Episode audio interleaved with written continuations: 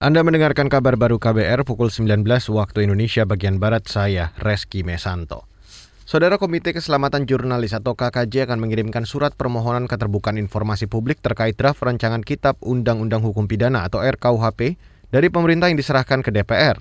Anggota koalisi Zaki Yamani mengatakan, permintaan itu untuk menjawab kegelisahan publik terhadap isi aturan dalam RKUHP yang masih simpang siur.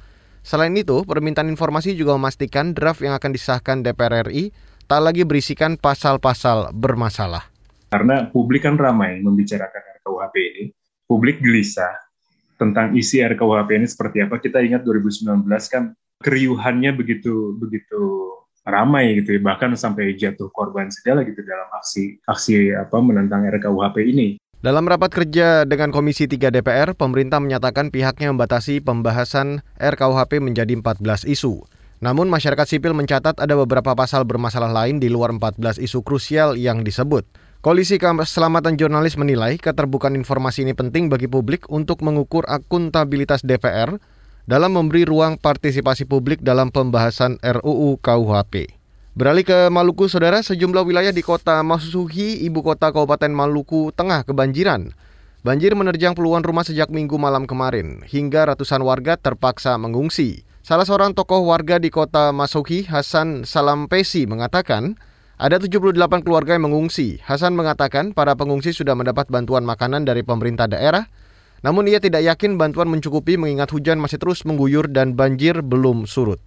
Takutnya jangan sampai besok atau besok ini akan terjadi curah hujan lagi.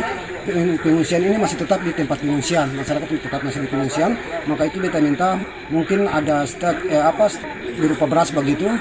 Kita minta supaya mungkin dari pemerintah daerah bisa menambahkan katong punya stok makanan untuk persediaan di tempat pengungsian. Sebagian rumah di kota Masuhi, ibu kota Kabupaten Maluku Tengah terendam banjir setinggi 1 meter. Banjir terjadi akibat luapan air dari kawasan Sugiarto Puncak Masuhi. Selain merendam rumah warga, banjir juga merendam sejumlah bangunan seperti pasar, sekolah, dan bangunan lain.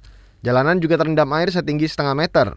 Belum ada laporan mengenai korban jiwa. Banjir juga memutus jembatan utama yang menghubungkan Kabupaten Seram bagian barat menuju Maluku Tengah dan Kabupaten Seram bagian timur. Saudara krisis bahan bakar minyak atau BBM di Sri Lanka berdampak pada naiknya harga pangan baik makanan pokok maupun sayuran.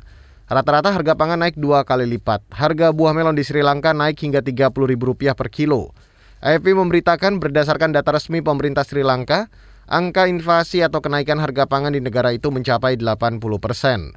Kenaikan harga terjadi karena krisis bahan bakar minyak yang menyebabkan stok pangan tidak terdistribusikan dengan baik. Badan Pangan Dunia WFP menyebut hampir 5 juta warga Sri Lanka atau 22 persen dari total populasi di negara itu membutuhkan bantuan makanan. Dan saudara, demikian kabar baru saya Reski Mesanto.